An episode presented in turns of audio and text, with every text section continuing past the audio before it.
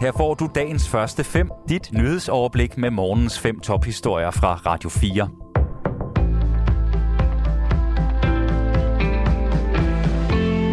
Det er fredag den 7. oktober i studiet Henrik Møring. Statsministeren erkender, at hun begik flere fejl i forbindelse med håndteringen af minksagen og coronakrisen. Sådan lød det fra Mette Frederiksen i hendes tale ved Folketingets åbningsdebat sent i aftes. Det var også en fejl, at vi ikke fandt nogle bedre muligheder undervejs for, at mennesker kunne tage afsked med hinanden på hospitaler, hospice og plejehjem. Statsministeren erkendte også på talerstolen, at det var en fejl, da hun under et pressemøde sagde lev med det om sms'er med en hård tone. Socialdemokratiet fik gentagende gange under åbningsdebatten spørgsmålet fra oppositionen, om Mette Frederiksen har begået fejl i Mink-sagen. Men det var den rigtige beslutning at slå minkene ned, lyder det fra statsministeren. Jeg er nødt til at sige, at det var ikke en fejl at slå minkene ned i Danmark. Jeg kunne godt her holde en lang tale, og det har jeg også lyst til at gøre, om den risikovurdering, vi modtog. Hvor bange vi var for nordjødernes helbred. Bekymringen for en hel verden, som ville reagere negativt over for dansk eksport. Men jeg skal nok lade være at holde den tale. USA har dræbt tre højtstående medlemmer af islamisk stat i to luftangreb i Syrien.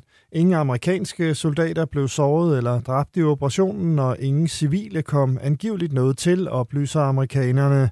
Gårdsdagens operation er den første af den slags luftborne operationer, der er blevet foretaget på regeringskontrolleret område, siden krigen i Syrien brød ud i 2011. Det oplyser det syriske observatorium for menneskerettigheder. Risikoen for et atom Ragnarok er på det højeste niveau siden den kubanske missilkrise i 1962, det siger den amerikanske præsident Joe Biden, skriver AP. I en tale i New York siger Biden, at den russiske præsident Vladimir Putin ikke laver sjov, når han taler om brugen af atomvåben. Han henviser også til russiske embedsmænd, som taler om muligheden for at bruge atomvåben efter massive tilbageslag i Ukraine. Vi har ikke stået over for udsigten til sådan et Ragnarok siden Kennedy og den kubanske missilkrise, siger Biden.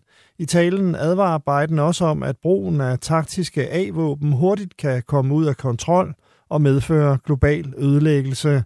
Det Hvide Hus har gentagende gange sagt, at der ikke er noget, der tyder på, at Rusland er ved at forberede brugen af atomvåben, og efter Bidens tale i går har embedsmænd fra den amerikanske regering udtalt, at der ikke er nogen tegn på, at Rusland klargør A-våben.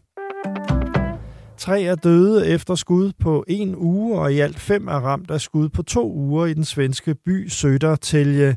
En 19-årig mand er død, og en anden person er alvorligt såret efter et skyderi i går i byen, der ligger nær hovedstaden Stockholm, skriver TT.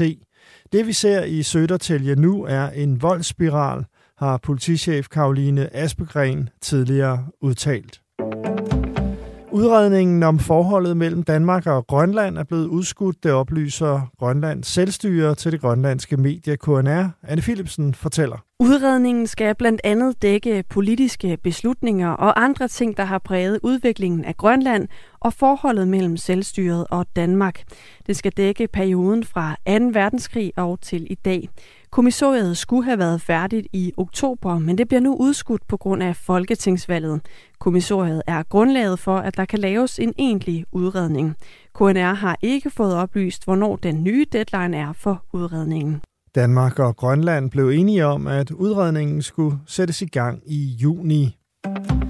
Fire besætningsmedlemmer ombord i en rumkapsel fra rumfartsfirmaet SpaceX har koblet sig til den internationale rumstation. Her skal de nu på en fem måneder lang videnskabelig mission.